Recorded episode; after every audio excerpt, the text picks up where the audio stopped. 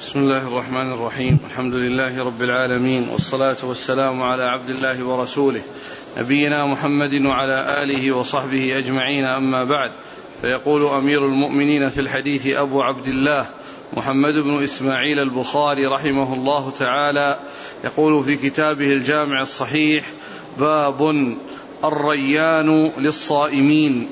قال حدثنا خالد بن مخلد قال حدثنا سليمان بن بلال قال حدثني أبو حازم عن سهل رضي الله عنه عن النبي صلى الله عليه وآله وسلم أنه قال إن في الجنة بابا يقال له الريان يدخل منه الصائمون يوم القيامة لا يدخل منه أحد غيرهم يقال أين الصائمون فيقومون لا يدخل منه أحد غيرهم فإذا دخلوا أغلق فلم يدخل منه أحد.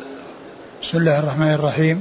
الحمد لله رب العالمين وصلى الله وسلم وبارك على عبده ورسوله نبينا محمد وعلى آله وأصحابه أجمعين.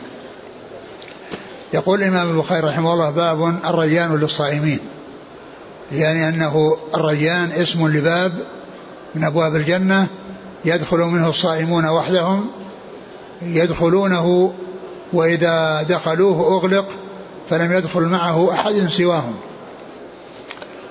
وقد وقد جاء في هذا الحديث الذي أورده عن سهل بن سعد الساعدي رضي الله تعالى عنه أن النبي صلى الله عليه وسلم قال إن في الجنة بابا يقال له الريان يدخل منه الصائمون فإذا دخلوا أغلق فلم يدخل منه أحد. وهذا وقد جاء في الحديث الذي بعد هذا أن الجنة لها أبواب وأن الصدقة لها باب وأن الصلاة لها باب وأن الجهاد له باب و و وأن وأن الصوم له باب الريان. فصارت الأبواب موافقة للأعمال. إلا ما يتعلق بالصيام فإنه جاء اسم آخر وهو الريان. والريان يعني المقصود به أنه آه، هو من الري وهو ضد العطش. وهو من الري ضد وهو ضد العطش. لأنهم لما عطشوا أنفسهم لله في الحياة الدنيا في الصيام جازاهم الله عز وجل من من باب آه، اسمه يشعر بالري وأنهم يشربون يعني وأنهم يحصل لهم الشرب ويحصل الشرب ويحصل الري في الجنة. فصار الاسم يعني آه، آه، ليس مطابقا لاسم العبادة الذي هي الصوم ولكنه يشعر بحصول الري الذي هو مقابل العطش لأنهم عطشوا أنفسهم لله فجازاهم الله عز وجل بأن يدخلوا من باب يشعر بالري وأنهم يروون ولا يحصل لهم العطش. ف آه، وهذا هذا التخصيص فيما يتعلق بالباب وأنه يختلف اسمه عن بقية الأبواب. آه، هذا يطابق ما جاء في الحديث الذي تقدم عن آه، الصوم قال أنه لي مع أن العبادات كلها لله عز وجل. ولكن آه، يعني الصوم خصص بأنه لله لأنه أمر خفي ولأنه من الأمور الخفية وليس من العبادات الواضحة التي يطلع عليها الناس فإنه لا يطلع عليه إلا الله وهو سر بين العبد وبين ربه فيكون هذا التخصيص في آه، ذكر الباب وأنه يقال له الريان ولا يقال له باب الصوم شبيه بقوله في الحديث في قول الله عز وجل قال الله عز وجل إلا الصوم فإنه لي. يعني إنما خصص بأنه له لأنه لا يدخله الرياء ولأنه سر بين العبد وبين ربه. بخلاف العبادات الأخرى فإنها ظاهرة. الصلاة يرى من يصلي ومن يذهب المسجد وكذلك الزكاة يعني يعرف المعطي وقد ولو لم ولو لم يحصل ذلك إلا الفقراء الذين أعطوا فإنه حصل منهم العلم بذلك. وكذلك الجهاد وكذلك الجهاد فإنه من الأمور الظاهرة. فاذا العبادات آه، آه، خصص منها الصوم بأن أطلق عليه اسم لا يطابق اسمه الذي هو الصوم فهو شبيه بحديث إلا الصوم فإنه لي وأنا أجزي به لأن هذا فيه البعد عن الرياء وفيه يعني حصول الإخلاص والبعد عن الرياء وعن الوقوع فيه. ولهذا جاء في هذا الحديث إن في الجنة بابا يقال له الريان. لا يدخله إلا الصائمون. ومن المعلوم أن الصيام يعني هناك صيام واجب وصيام لازم وهو رمضان وهذا يلزم جميع المسلمين ومن لم يصم فإنه إن كان جاحدا فإنه يكون كافرا وإن كان متهاونا فإنه يكون آثما فإنه يكون آثما. ولكن هذا التخصيص إنما هو لمن يحصل منه الصيام في التطوع. والذي يتميز به عن غيره. وأما الواجب فهذا يشترك فيه جميع الناس ولا يختص به أحد عن أحد. وإذا حصل من يعني من بعض الناس أنه لم يصم وكان متساهلا فإنه يأثم يحصل له الإثم. نعم. قال حدثنا خالد بن مخلد القطواني. نعم. عن سليمان بن بلال نعم. عن أبي حازم وهو سلمة بن دينار. عن سهل سهل بن سعد الساعدي رضي الله تعالى عنه. وقد قيل إن في الصحابة ممن يسمى أبو العباس اثنان اثنين وهما سهل بن سعد الساعدي وعبد الله بن عباس فإن كنية كل منهما أبو العباس. وقد قيل إن المعروف من الصحابة من من يكن بهذه الكنية هذان الاثنان سهل بن سعد الساعدي وعبد الله بن عباس رضي الله تعالى عنهم. قال حدثنا إبراهيم بن المنذر قال حدثني معا قال حدثني مالك عن ابن شهاب عن حميد بن عبد الرحمن عن أبي هريرة رضي الله عنه أن رسول الله صلى الله عليه وآله وسلم قال من أنفق زوجين في سبيل الله نودي من أبواب الجنة يا عبد الله هذا خير فمن كان من أهل الصلاة دعي من باب الصلاة ومن كان من أهل الجهاد دعي من باب الجهاد ومن كان من أهل الصيام دعي من باب الريان ومن كان من أهل الصدقة دعي من باب الصدقة. فقال أبو بكر رضي الله عنه بأبي أنت وأمي يا رسول الله ما على من دعي من تلك الأبواب من ضرورة فهل يدعى أحد من تلك الأبواب كلها؟ قال نعم وأرجو أن تكون منهم. ثم ذكر هذا الحديث عن أبي هريرة أن النبي عليه الصلاة والسلام قال من أنفق زوجين في سبيل الله. والمقصود بالزوجين يعني يعني شيئين أو أو يعني اثنين من شيء واحد. اثنين من شيء واحد يعني يكون صدقة متكررة وكذلك يعني الأعمال يعني يكون متكررة. من أنفق زوجين في, في سبيل الله أو من أنفق زوجين في سبيل الله يعني شيئين من شيء واحد.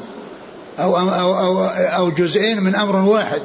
وهذا فيه الإشارة إلى التكرار وفضل التكرار وأن حصول الفائدة بالتكرار وأنها مكررة أولى من أن تكون يعني شيئا واحدا لأنه قال من أنفق زوجين في سبيل الله.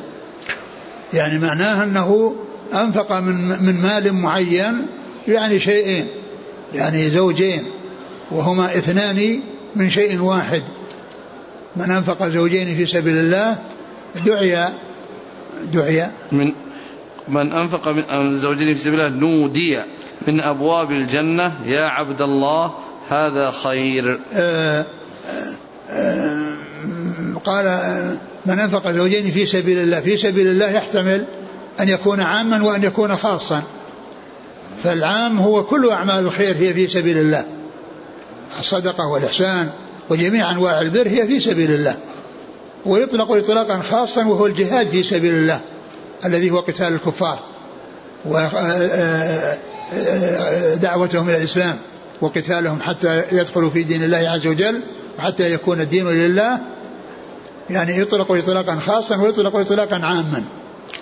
وهو محتمل يعني هذا وهذا ولكن يعني كونه عاما يعني هو الأقرب وأما يعني ما جاء في أن أن في سبيل الله يطلق على على الجهاد هو أحد مصارف الصدقة الزكاة لأن فيها في سبيل الله.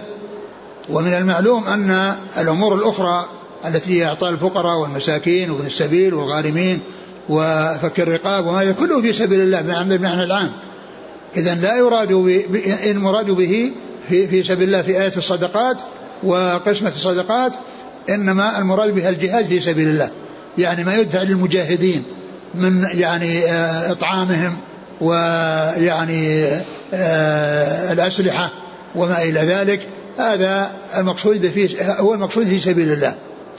ولكنه يأتي بمعنى عام كما هنا وقال من أنفق زوجين في سبيل الله. يعني سواء في الجهاد أو في غير الجهاد.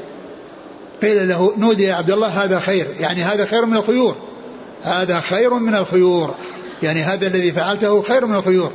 وليس المقصود به أنه آه، خير من غيره وأنه أفضل من غيره لأن كما هو معلوم الصلاة هي يعني أعظم أركان الإسلام وهي التطوع بها يعني من خير التطوع ومن أفضل التطوع ولكن الخير يطلق ويراد به يراد به الأفعال التفضيل ويراد به الخير الذي هو أحد الخيور المقابل للشر. وهنا الأقرب أن يراد به واحد الخيور وأنه خير من الخيور. وقد جاء في القرآن الكريم الجمع بين خير يراد بها أفعال التفضيل ويراد بها الخيور أو واحد الخيور في قول الله عز وجل يا أيها النبي قل لمن في أيديكم من الأسرى يعلم الله في قلوبكم خيرا يؤتكم خيرا مما أخذ منكم. فخيرا الأولى يراد بها الخير الذي مقابل الشر. وأما خير ما أخذ منكم فإنه يراد بها التفضيل. فإذا هذه الآية الكريمة جمع فيها بين خير المراد بها التفضيل وخير التي يراد بها واحد الخيور. وكذلك في السنة جاء عن رسول الله عليه الصلاة والسلام قال المؤمن القوي خير وأحب إلى الله من المؤمن الضعيف وفي كل خير. المؤمن القوي خير وأحب إلى الله من المؤمن الضعيف. فإن هذه أفعال تفضيل وفي كل خير هذه ليست على تفضيل وإن المقصود بها يعني الذي هو مقابل الشر أو الذي هو خير أو الذي هو خير من الخيور. نودي يا عبد الله يعني هذا خير. وعبد الله يعني كما هو معلوم تطلق على كل آه على كل أحد لأن كل عبيد لله عز وجل. ولهذا يعني آه عندما يعني آه إذا كان لا يعرف الإنسان لا يعرف الإنسان يقول يا عبد الله يعني يا عبد الله هو عبد لله. وفي هذا الوقت يستعملون لمن لا يعرفونه وقد يكون كافرا يقول يا محمد محمد يخاطبون من لا يعرفون بمحمد وهذا غلط لأن قد يكون كافرا. وأما كلمة يا عبد الله تصلح للكافر وغير الكافر لأن كل عبد لله كل عبد لله عز وجل. فإذا يعني يا عبد الله يعني لأنها تطلق على كل أحد وعلى كل عبد لله عز وجل وهذا إنما هو في من يكون من أهل الجنة لأن هذا المقصود به أنه يدعى دخول الجنة في باب أو في, في, في باب من أبوابها. يا عبد الله هذا خير. نعم. نودي من أبواب الجنة يا عبد الله هذا خير. فمن كان من أهل الصلاة دعي من باب الصلاة. ومن كان من أهل الجهاد دعي من باب الجهاد ومن كان من أهل الصيام دعي من باب الريان ومن كان من أهل الصدقة دعي من باب الصدقة. وهذا فيه أن هذه الأعمال الصالحة أنها آه يعني تسمى أو تسمى الأبواب باسمها إلا الصيام فإنه لا يسمى باسم الصيام وإنما يسمى باسم الريان وإنما يسمى باسم الريان. فما كان من أهل الصلاة دعي من باب الصلاة وما كان من من أهل الجهاد دعي من باب الجهاد وإن كان من باب من أهل الصيام دعي من باب الريان وإن كان من أهل الصدقة دعي من باب الصدقة. وهذا لا يعني أن أن أن الأمر خاص في هذه الأبواب لأنه جاء أن أبواب الجنة ثمانية.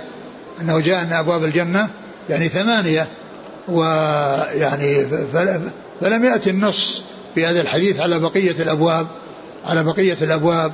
ومن العلماء من يقول أنه جاء في بعض الألفاظ أن, أن الأعمال أنها تسمى بأسماء الأعمال. ومعلوم أن أن النص جاء بأنها ثمانية. وعلى أن على أن الأعمال تسمى بأبواب فتكون أبوابا من الداخل.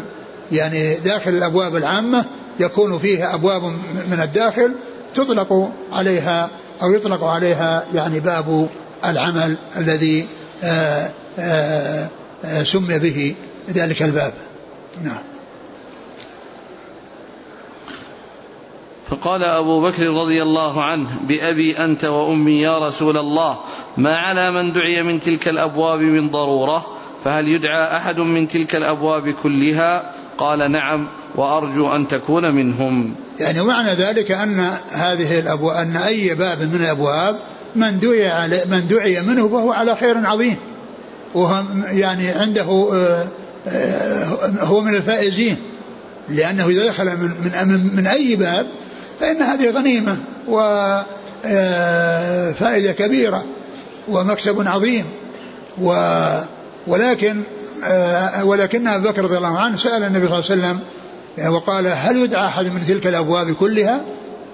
يعني معناه أنه يعني يدعى من باب الصيام ومن باب الريان وباب الصدقة ومن باب الجهاد ومن باب الصلاة ومن سائر الأبواب. فالنبي صلى الله عليه وسلم قال نعم وأرجو أن تكون منهم. يعني أنه يعني يحصل منه هذه الأعمال. هذه الأعمال التي هي الجهاد والصيام والزكاة والصدقة والصلاة وغير ذلك آه هذه آه تحصل من آه أبي بكر رضي الله عنه ويدعى من جميع تلك الأبواب لأنه من أهل تلك الأعمال كلها من أهل تلك الأعمال كلها. ولهذا جاء في بعض الأحاديث أن النبي صلى الله عليه وسلم قال لأصحابه من أصبح منكم آه، صائما من أصبح منكم كذا من أصبح منكم كذا. فكل ما سئل عن من, من تبع جنازة فكل ما سئل فيقول أبو بكر أنا. فيقول أبو بكر أنا. يعني معنى ذلك أنه رضي الله تعالى عنه أنه آه، سباق إلى أفعال الخير المختلفة. نعم. ولهذا أجابه النبي صلى الله عليه وسلم بهذا الجواب قال وأرجو أن تكون منهم. نعم. قال حدثنا إبراهيم بن المنذر نعم. عن معن معن بن عيسى. عن مالك عن ابن شهاب نعم. عن حميد بن عبد الرحمن بن عوف. عن أبي هريرة. نعم. قال رحمه الله تعالى باب هل يقال رمضان أو شهر رمضان ومن رأى كله واسعا. وقال النبي صلى الله عليه وآله وسلم من صام رمضان. وقال لا تقدموا رمضان. قال حدثنا قتيبة قال حدثنا إسماعيل بن جعفر عن أبي سهيل عن أبيه عن أبي هريرة رضي الله عنه أن رسول الله صلى الله عليه وسلم قال إذا جاء رمضان فتحت أبواب الجنة. ثم ذكر باب هل يقال رمضان أو يقال شهر رمضان ومن رأى ذلك واسعا يعني ان أنه يقال رمضان ويقال شهر رمضان. شهر رمضان جاء في القرآن شهر رمضان. ورمضان بدون ذكر الشهر جاء في السنة في هذه الأحاديث العديدة التي ذكر بعضها أشار إليها وبعضها أسندها. وكلها فيها ذكر شهر رمضان بدون ذكر رمضان بدون شهر. يعني فالأمر في ذلك واسع. إن قال رمضان بدون شهر له ذلك وإن قال شهر رمضان بإضافته إلى الشهر فله ذلك.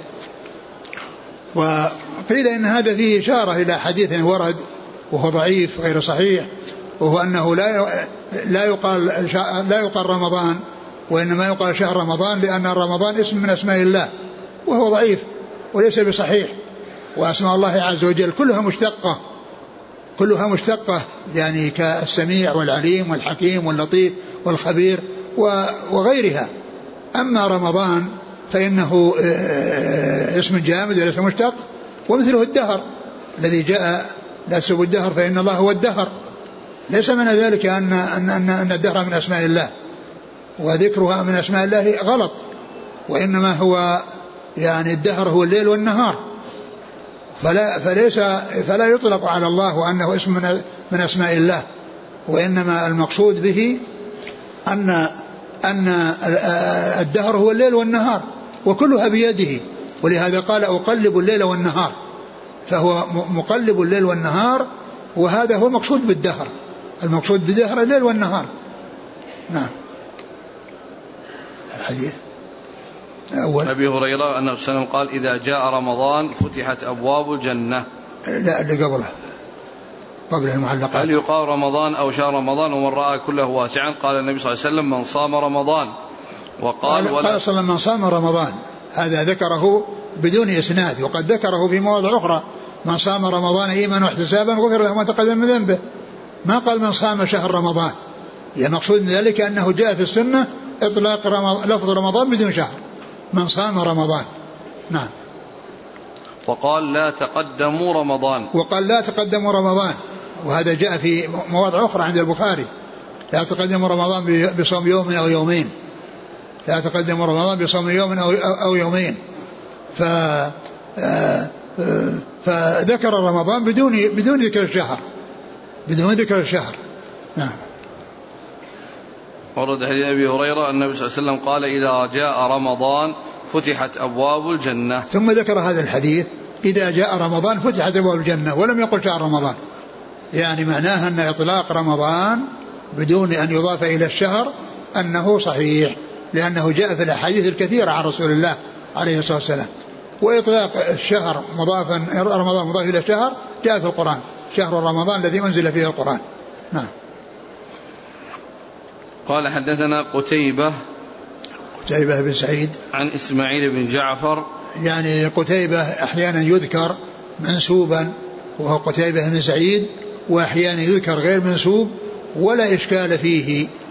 لأنه لا يلتبس بغيره لأنه لا يوجد في رجال الكتب الستة من يسمى قتيبة غيره. هو الوحيد الذي يسمى قتيبة في رجال الكتب الستة. ولهذا إذا جاء قتيبة ما يلتبس بغيره يحتاج إلى نسب ويقال ابن سعيد لأن ما في أحد قال قتيبة بن فلان. غير قتيبة بن سعيد هو الذي ف فسواء جاء منسوبا أو غير منسوب لا يلتبس.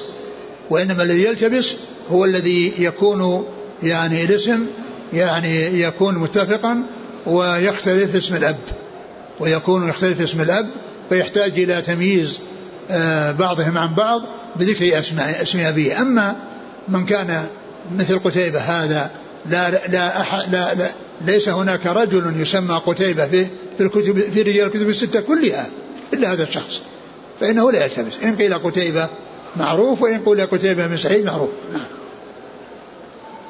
عن إسماعيل بن جعفر نعم. عن أبي سهيل. أبو سهيل هو الذي مر بنا في الدرس الماضي وهو اسمه نافع بن مالك بن أبي عامر الأصبحي وهو عم مالك بن أنس إمام دار الهجرة. عم مالك ابن أنس إمام دار الهجرة لأن مالك بن أنس بن مالك وهذا نافع بن مالك. فهو هنا يعني آه يعني المقصود به المقصود به عم مالك الذي هو نافع نافع بن مالك. نعم. عن أبيه. عن أبيه هو مالك بن أبي عامر. مالك بن أبي عامر الذي هو جد مالك. نعم. عن أبي هريرة. نعم. قال حدثني يحيى بن بكير قال حدثني الليث عن عقيل عن ابن شهاب قال أخبرني ابن أبي أنس مولى التيميين أن أباه حدثه أنه سمع أبا هريرة رضي الله عنه يقول قال رسول الله صلى الله عليه وآله وسلم إذا دخل شهر رمضان فتحت أبواب السماء وغلقت أبواب جهنم وسلسلة الشياطين. ثم ذكر هذا الحديث عن أبي, عن أبي هريرة. نعم. عن أبي هريرة رضي الله عنه أنه إذا دخل رمضان فتحت أبواب السماء وفتح وفتحت أبواب الجنة وصفدت الشياطين. وصفدت الشياطين. آه، المقصود من إيراد الحديث هنا كونه قال رمضان بدون شهر. هنا دخل ذكر. نعم إذا دخل شهر رمضان. شهر رمضان. نعم إذا دخل شهر رمضان. يعني هنا جاء فيه ذكر الشهر كما جاء في القرآن. هذه على إحدى الروايات البخاري. نعم. يعني آه، آه، ذكر الشهر فيه يكون مطابقا لما جاء في القرآن. ولهذا قال في الترجمة من قال رمضان أو شهر رمضان ومن رأى ذلك واسعا. يعني الأمر في ذلك واسع. إن قال رمضان بدون شهر آه، صحيح وإن قال شهر رمضان بالإضافة فهو صحيح ولا يعني محذور في ولا محذور في ذلك وكل منهما صحيح. إذا دخل شهر رمضان. إذا دخل شهر رمضان فتحت أبواب السماء وغلقت. فتحت أبواب السماء. معلوم أن فتح أبواب السماء إنما هو للخير الذي يعني ينزل وللعمل الصالح الذي يصعد وللعمل الصالح الذي يصعد. ومن المعلوم أن شهر رمضان موسم من مواسم الآخرة والأعمال الصالحة ترفع إلى الله عز وجل وتصعد إلى الله عز وجل. نعم. وغلقت أبواب جهنم. وغلقت أبواب جهنم. وغلقت أبواب جهنم. وصفدت الشياطين. وصفدت وسلسلة الشياطين. وسلسلة الشياطين. يعني في بعض الروايات صفدت والتصفيد هو آه، هو السلسلة التي هي بمعنى صفدت سلسلت. وصفدت الشياطين فلم يكن لهم في رمضان ما يكون لهم في غير رمضان. وذلك لكثرة الإقبال على الله عز وجل وذلك يعني يسوءهم يعني يسوء الشياطين. وقوله سلسلة الشياطين يعني قيل إن المقصود مردتهم. فلا يخلصون يعني إلى الناس في رمضان كما كانوا يخلصون يعني في في, غيره. نعم. قال حدثني يحيى بن بكير نعم. عن الليث بن سعد. عن عقيل بن خالد بن عقيل. عن ابن شهاب عن ابن أبي أنس. ابن أبي أنس ابن أبي أنس هو أبو سهيل الذي مر في الإسناد. هو سهيل أبو سهيل الذي هو نافع بن مالك. جاء هنا منسوبا إلى أبيه بكنية أبيه. قال ابن أبي ابن أبي أنس. أبي أبي, أبي ابن أبي أنس. لأن أنس هو والد مالك. أنس الذي يكنى به يعني جده الذي هو مالك هو والد مالك أنس. يعني فأنا مالك مالك بن أبي عامر آه، ابنه أنس الذي هو أبو مالك وابنه نافع الذي هو أبو سهيل. الذي هو أبو سهيل. فهنا عبر عن أبي سهيل بهذا بهذا الإسناد ابن أبي أنس. ابن أبي أنس لأنه منسوبا إلى أبيه بكنية أبيه. منسوبا إلى أبيه بكنية أبيه الذي هو أبو أنس. وهذا يفيد بأن أن أن أن, أن مالكا الذي هو الجد آه، آه، يعني أكبر أولاده أنس الذي هو الذي هو أبو مالك بن أنس.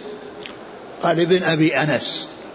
وأنس آه، ابن مالك الذي هو أبو أنا أبو مالك بن أنس ليس له رواية في الكتب الستة. ليس من رجال الكتب الستة ليس له رواية. وإنما الذي له رواية هذا الذي هو نافع ابن مالك. نافع بن مالك هذا هو الذي له رواية كما جاء في هذا الحديث هذه الأحاديث. وأما أنس بن مالك الذي هو أبو مالك بن أنس فإنه ليس له رواية في الكتب الستة. نعم. مولى التيميين. مولى التيميين يعني الذي هم آل طلحة. مولى التيميين الذين هم آل طلحة. وهذه هذه الموالاة أو هذا يعني هذه الموالاة سببها الحلف وليس يعني وإن والنسب يعني مالك بن انس هو من العرب وهو أصبحي. ويعني ولكنه قيل لأبيه وقيل لجده أنهم مولى التيميين لأن لأن يعني آه، جد من مالك بن أنس يعني قدم قدم مكة فحالف آه، آه، فحالف عثمان بن عثمان عثمان الذي بن عبيد الله الذي هو أخو طلحة بن عبيد الله. فنسب إلى التيميين ولاء والولاء يكون بالحلف بأن قبيلة تحالف قبيلة فتنسب إليها بسبب الحلف وكلها من قبائل العرب وقد يكون ذلك بسبب الرق وبسبب العتق فإن يعني الرقيق يقال له مولى وكذلك العتيق يقال له مولى ويقال للمعتق أيضا مولى مولى من أسفل ومولى من أعلى. المعتق يقال له مولى من أعلى والعتيق يقال له مولى من أسفل وإذا فالموالاة لها أنواع ليست مقصورة على شيء واحد فهي تأتي للحلف وتأتي لغيره وهنا يعني ال الذي جاء في حق آه، يعني آه، أجداد مالك بن أنس آه، إنما هي بسبب الحلف. نعم. وليس بالنسب. و ولهذا الإمام النووي لما ذكر أول حديث في الأربعين النووية وحديث إنما الإمام بالنيات قال رواه إمام المحدثين. رواه إمام المحدثين. محمد بن إسماعيل بن إبراهيم بن مردزبة الجعفي مولاهم. البخاري. الجعفي مولاهم. يعني أنه ينسب إلى الجعفيين ولاء.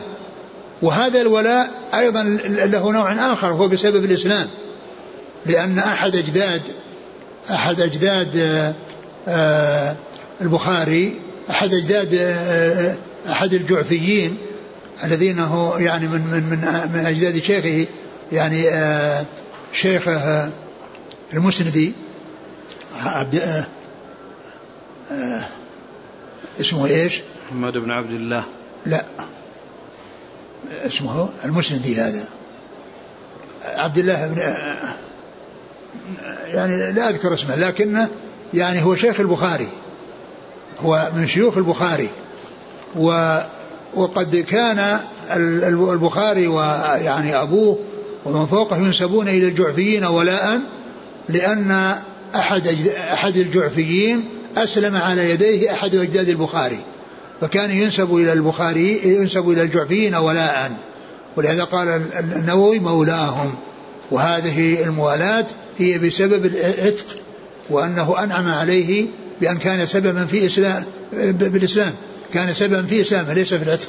وإنما كان سببا في إسلامه فصار يقال له مولى بسبب أنه أنعم عليه بأن أسلم على يديه وكان إسلامه على يديه فيقال له مولاهم. وأما مسلم فقال فيه وأبو الحسين مسلم بن الحجاج النيسابوري القشيري من أنفسهم. يعني كلمة من أنفسهم يعني بعد القشيري يعني أنه منهم أنه نسب وليس ولاء. فعبر عن البخاري الجوع في مولاهم وعبر عن مسلم بأن قال القشيري من أنفسهم. القشيري من أنفسهم. يعني أنه نسبة نسب وليست نسبة ولاء. نعم.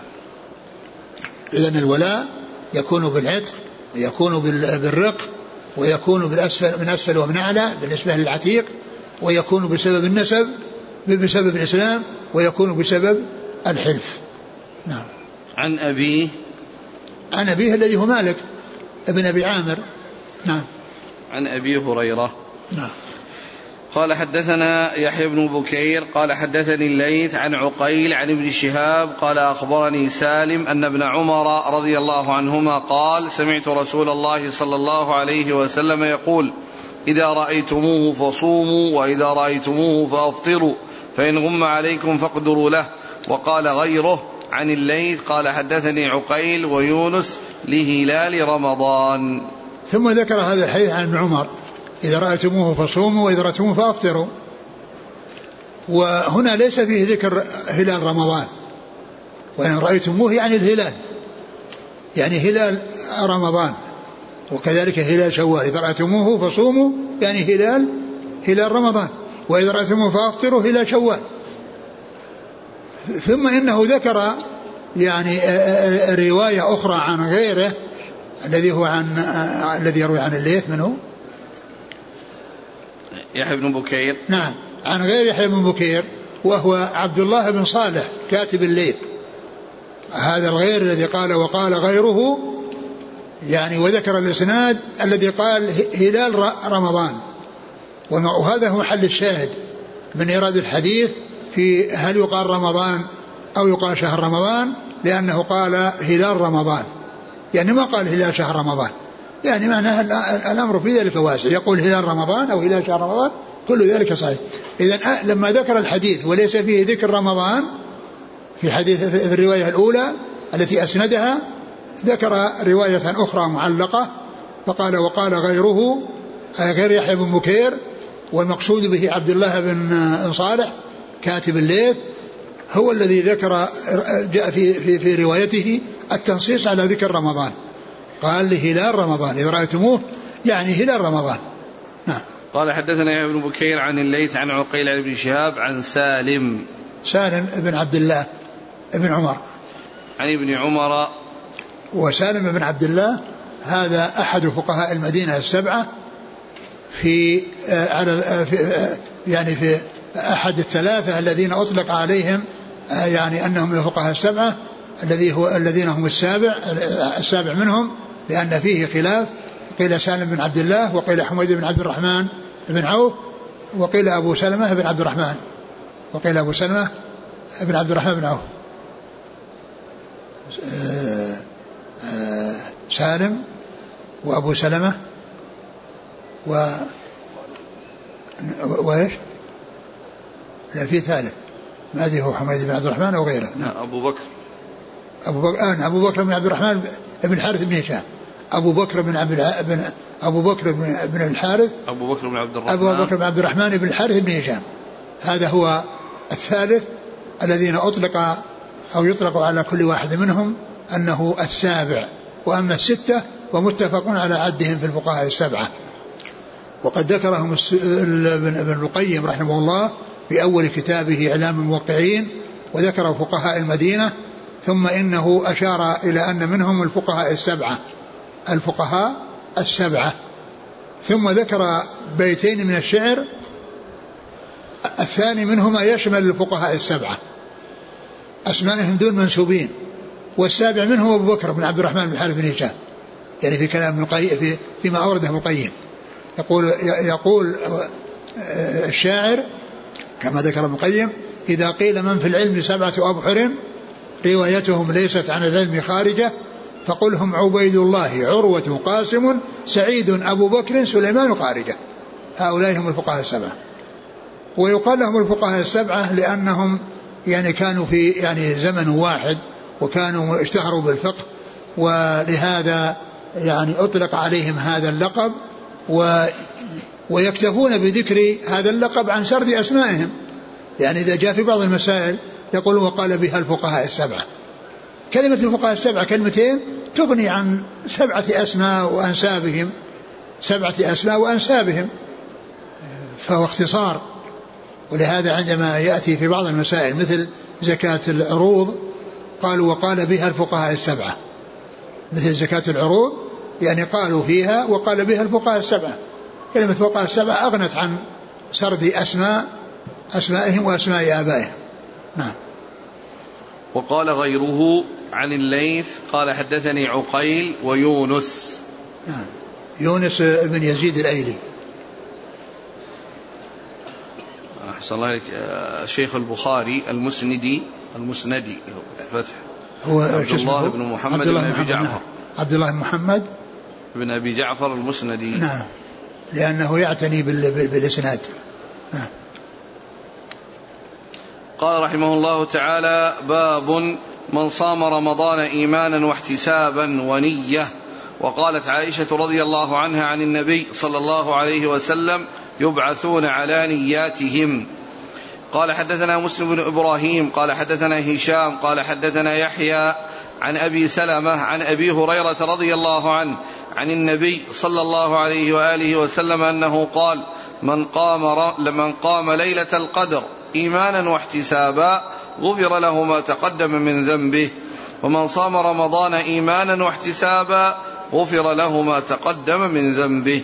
باب من صام رمضان إيمانا واحتسابا ونية. من صام رمضان إيمانا واحتسابا ونية.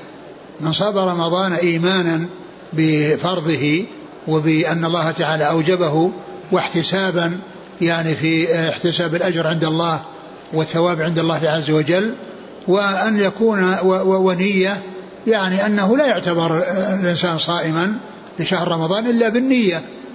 وقد يعني ال ال قد قد يصوم الإنسان يعني والنية لابد أن تكون مبيتة من الليل. يعني سواء كانت في الأداء أو القضاء سواء كانت في الأداء أو في القضاء.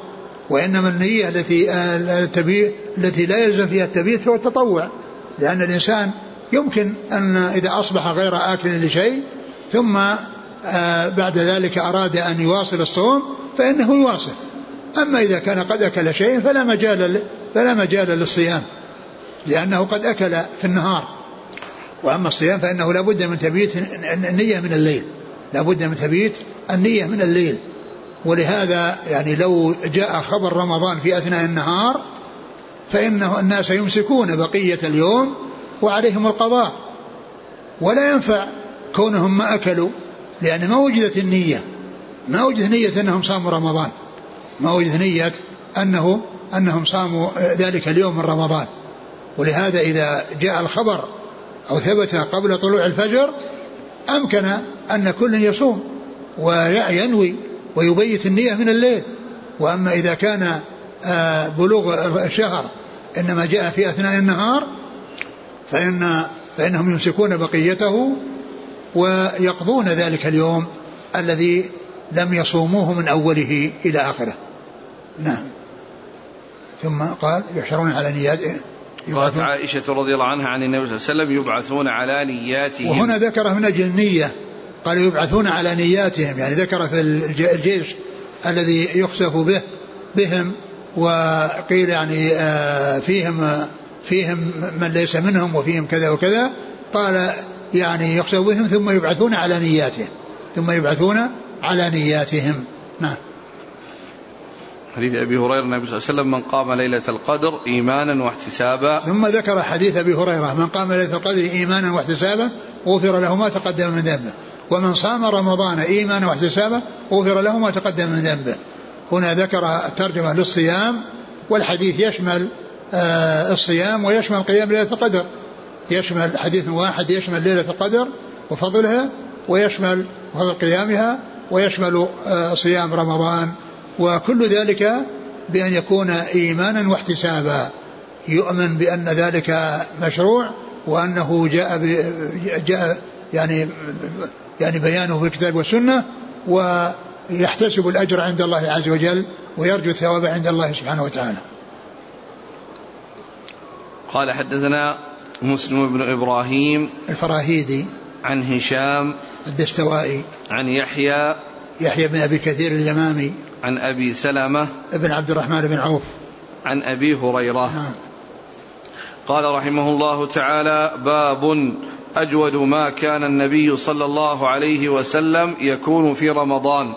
قال حدثنا موسى بن إسماعيل قال حدثنا إبراهيم بن سعد قال أخبرنا ابن شهاب عن عبيد الله بن عبد الله بن عتبة أن ابن عباس رضي الله عنهما قال كان النبي صلى الله عليه وآله وسلم أجود الناس بالخير وكان أجود ما يكون في رمضان حين يلقاه جبريل وكان جبريل عليه السلام يلقاه كل ليلة في رمضان حتى ينسلخ. يعرض عليه النبي صلى الله عليه وسلم القرآن. فإذا لقيه جبريل عليه السلام كان أجود بالخير من الريح المرسلة. ثم ذكر باب أجود ما يكون في رمضان. أجود ما كان النبي صلى الله عليه وسلم يكون في رمضان. أجود ما كان يكون في رمضان. أورد فيه حديث ابن عباس. قال فيه كان رسول أجود الناس. كان رسول الله صلى الله عليه وسلم أجود الناس.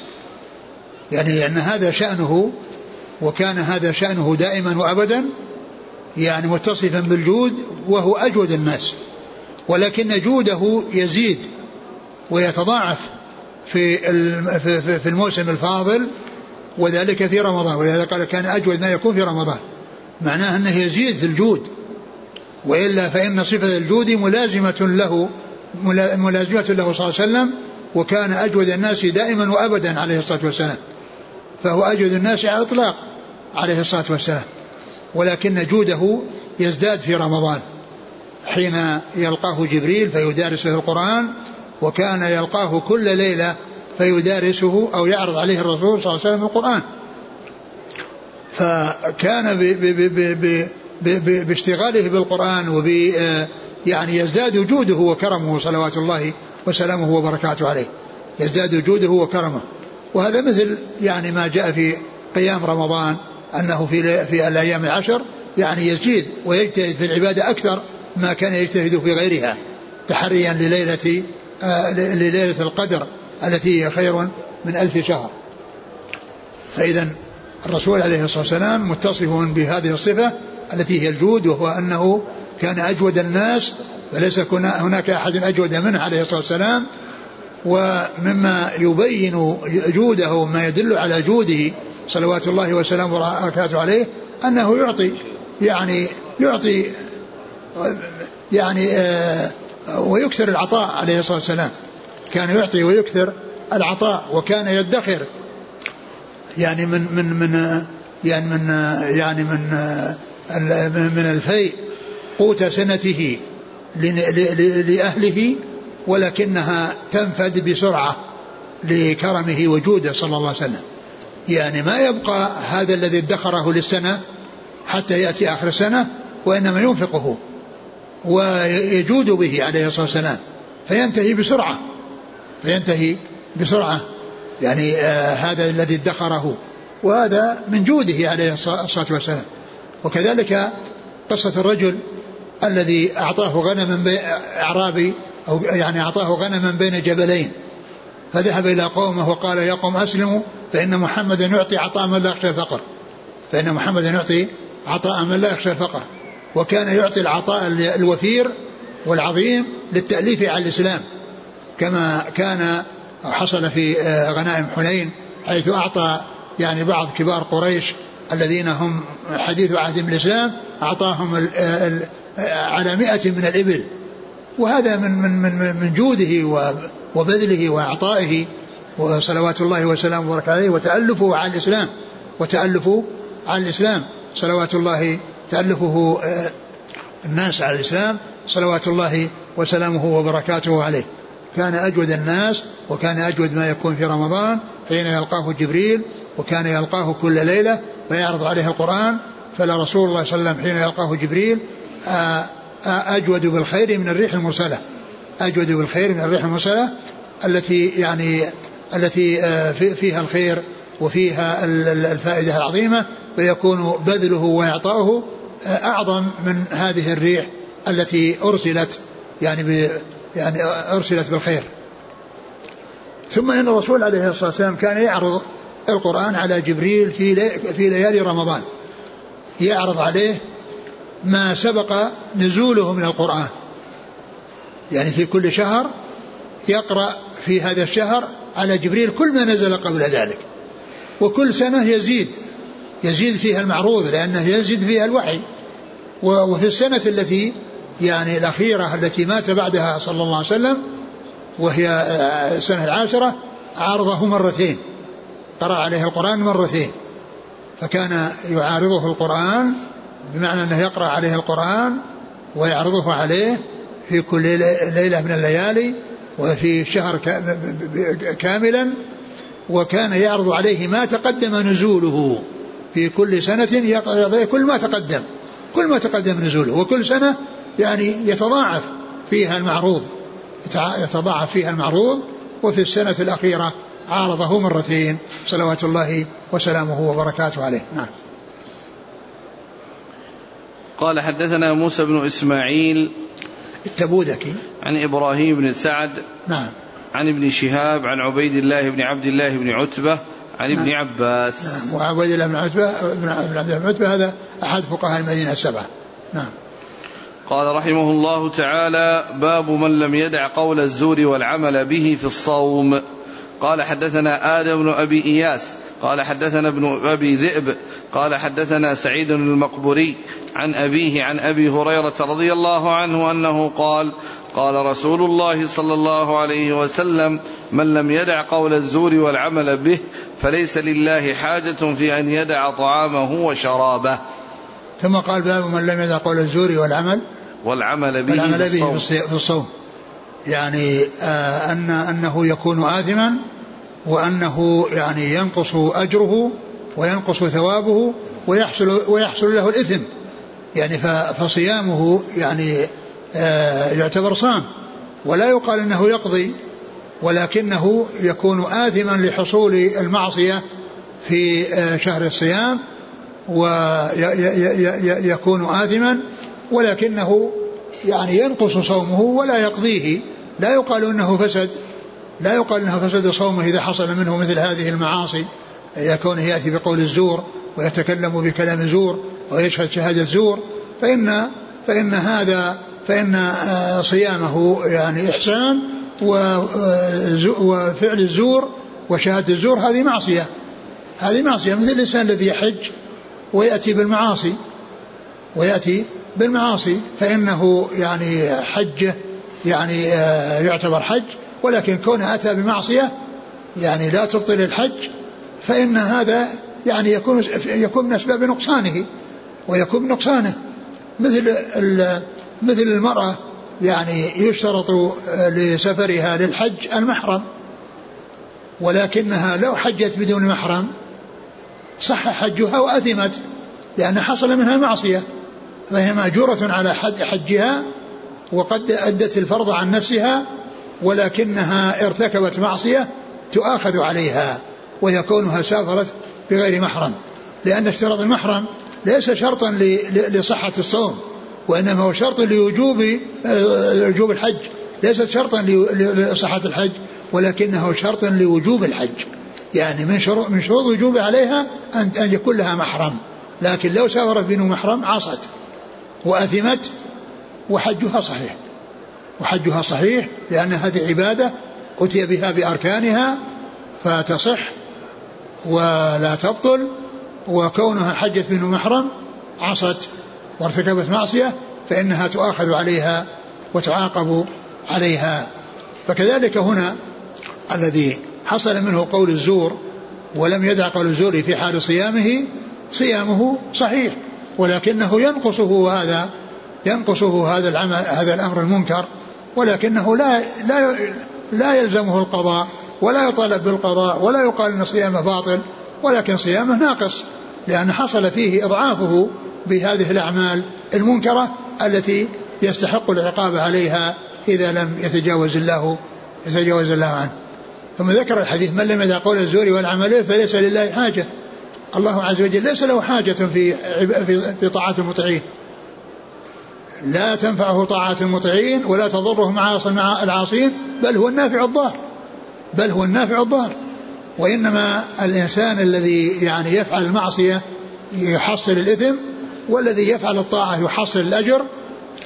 ومن لم يدع قول الزور والعمل به فيعني فكونه يدع صيامه يدع يعني طعامه وشرابه يعني معنى ذلك أنه أحسن ترك الطعام والشراب ولكنه أتى بالفحش وأتى بالفاحش من القول وأتى بالزور فإنه آه، يأثم ولكنه لا يقال إنه بطل صومه بل إن صومه صحيح وهو آثم لما يحصل منه من آه، قول الزور ومن شهادة الزور. نعم. من لم يدع قول الزور والعمل به نعم. فليس لله حاجة في أن يدع طعامه وشرابه. يعني الله عز وجل ليس له حاجة أبدا. يعني في الصيام وفي غير الصيام ولا يعني طاعة المطيعين إنما هي لهم وليست لله وإنما الله عز وجل هو الذي تقرب إليه بها فهو يقبلها ويثيب عليها. لكن كونه آه كونه يعني آه آه، يحصل لله منفعة بفعله الله تعالى هو النافع الضار. والعباد هم الذين يحصل لهم النفع والضر. والضر لا يحصل لله عز وجل. فهو المعطي المانع وهو النافع الضار ولا تضره معاصي العاصين ولا تنفعه طاعات المطيعين وإنما تضر تضر المعاصي أهلها وتنفع الطاعات وتنفع الطاعات أهلها. نعم. قال حدثنا آدم بن أبي إياس نعم. عن ابن أبي ذئب وهو محمد بن عبد الرحمن. عن سعيد المقبري سعيد بن أبي سعيد المقبري عن أبيه نعم. عن أبي هريرة. وسعيد بن أبي سعيد هذا يروي عن أبيه عن أبي هريرة ويروي عن أبي هريرة مباشرة. ويروي عن أبي هريرة مباشرة. وأحاديث كثيرة تأتي عن سعيد بواسطة أبيه وأحاديث كثيرة تأتي عن سعيد عن أبي هريرة ليس آه، من طريق أبيه. قال رحمه الله تعالى باب هل يقول إني صائم إذا شتم؟ قال حدثنا إبراهيم بن موسى قال أخبرنا هشام. باب هل يقول إني صائم إذا شتم؟ قال حدثنا إبراهيم بن موسى قال أخبرنا هشام بن يوسف. عن ابن جريج قال أخبرني عطاء عن أبي صالح الزيات أنه سمع أبا هريرة رضي الله عنه يقول قال رسول الله صلى الله عليه وسلم قال الله كل عمل ابن آدم له إلا الصيام فإنه لي وأنا أجزي به. والصيام جنة وإذا كان يوم صوم أحدكم فلا يرفث ولا يصخب فإن سابه أحد أو قاتله فليقل إني امرؤ صائم. والذي نفس محمد بيده لخلوف فم الصائم أطيب عند الله من ريح المسك. للصائم فرحتان يفرحهما إذا أفطر فرح وإذا لقي ربه فرح بصومه. ثم قال باب هل يقول آه لمن شاء. إني صائم إذا شتم. هل يقول إني صائم إذا شتم؟ يعني الحديث سبق أن مر بنا في الدرس الماضي بغير هذا اللفظ وفيه أنه يقول إني صائم. يعني لمن يعني يحصل منه سباب أو مقاتلة يقول إني صائم. وهنا أورده على الاستفهام. قال هل يقول؟ هل المقصود بقوله إني صائم أنه يقوله بلسانه فيكون مذكرا لغيره أو يقوله بنفسه حتى يعني يكون ذلك سببا في عدم مقابلته بما فعله معه من يخاطبه ومن من شاتمه. ف يعني فأتى بالاستفهام والاستفهام عادة عند البخاري إذا كان فيه خلاف أو فيه يعني شيء يعني تردد يعني في الحكم يأتي بهذه الصيغة وهي يعني آه، آه، بالنسبة لكونه يقوله وفي نفسه يعني معلوم أن في هذا ردع لنفسه عن أن يقابل غيره يعني بسباب ومشاتمة وأن صومه يجعله يمتنع من أن يقع في هذا الأمر. ويحتمل أن يكون المقصود به أنه يقوله ويسمع صاحبه حتى يتنبه وقد يكون ذلك زاجرا له عن أن يقع في هذه في هذا الأمر المحرم. شوف إيش قال سبب سبب الاستفهام الحافظ. يقول قد تقدم الكلام عليه مستوفى قبل ستة أبواب. في هذا الموضع. إيه. يعني ذكر الاستفهام. هو ذكر يعني يعني ابن حجر يعني شيء حول حول حول الترجمة باب الاستفهام. قال واختلف في المراد بقوله فليقل إني صائم هل يخاطب بها الذي يكلمه؟ بذلك أم يقولها في نفسه. وبالثاني جزم المتولي ونقله الرافعي عن الأئمة ورجح النووي الأول في الأذكار وقال في شرح المهذب كل منهما حسن والقول باللسان أقوى ولو جمعهما لكان حسنا. ولهذا التردد أتى البخاري في ترجمته كما سيأتي بعد أبواب بالاستفهام. فقال باب هل يقول إني صائم إذا شتم؟ وقال الروياني إن كان رمضان فليقل بلسانه وإن كان غيره فليقل في نفسه.